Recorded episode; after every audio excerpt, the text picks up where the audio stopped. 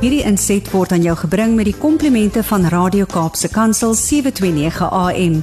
Besoek ons gerus by www.cape pulpit.co.za. Daar kom 'n dag waar al wat ons het dalk net kikkies en herinnerings is. Mag hy ons help om ons prioriteite reg te kry sodat ons die lewe kan beleef met en sonder fotos.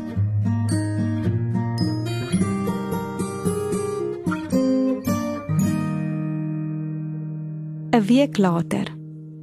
Dit was 'n donker week, letterlik en figuurlik. Beerdkrag was op sy ergste en daar was min lig in die nuus.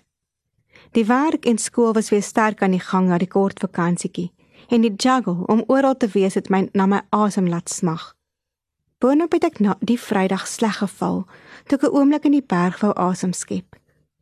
Op 'n stadium het ek teruggedink aan die vorige naweek en gewonder wat ons gedoen het tot ek met 'n skok besef het dat dit slegs 'n week gelede was wat ons Jesus se opstanding gevier het.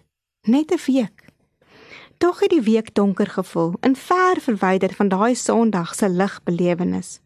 Opstanding Sondag, waar geloof die groot faktor is. Die verskil om met hoop te lewe omdat Jesus opgestaan het of bloot voort te ploeter.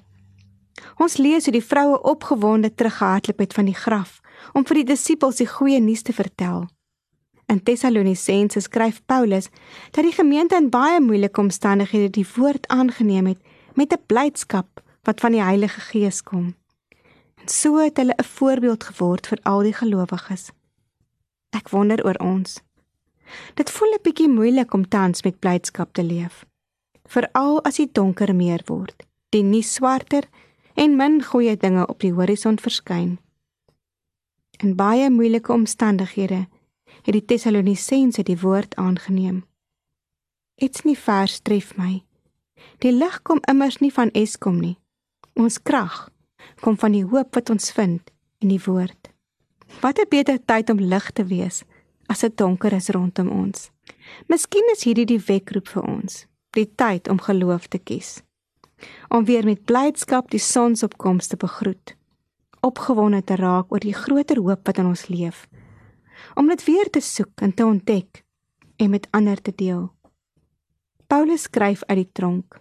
Dink aan my waar ek hier gevange sit. sien mekaar raak, wees die sout vir die aarde.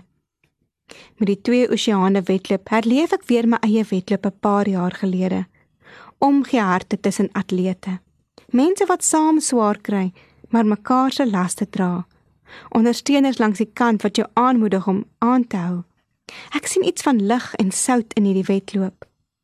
Die wonder is, te midde van 'n swart week, is dit die prentjie van die ware Suid-Afrika. Na my eie harde val, het ek moeilik opgestaan. My knie was stikkend en my lyf was seer.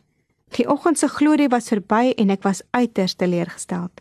Ek het teruggedraai kar toe en 'n kort pad geneem. Op my roete het ek die mooi protea gesien en die eende wat rustig op die dammetjie geswem het. Ek het kalmte ingeasem. En die bome was klein voeltjies wat vrolik gesing het sonder enige kommer. Ek het God se sorg ervaar in die blomme en die diere, in die mossies en die veld en opnuut besef dat God steeds vir ons sorg. Die God van die natuur waak oor ons. Al val ons stikkend en verloop die dag dalk anders as beplan, help hy ons op.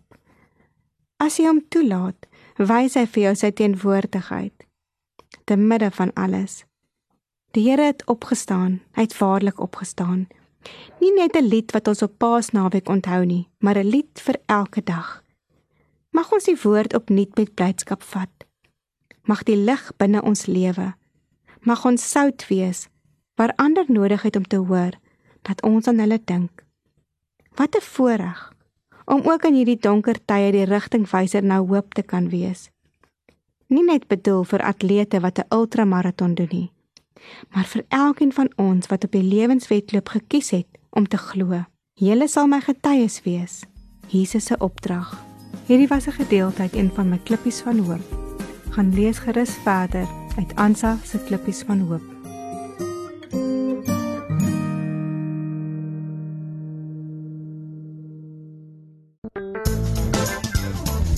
Hierdie inset was aan jou gebring met die komplimente van Radio Kaapse Kansel 729 AM.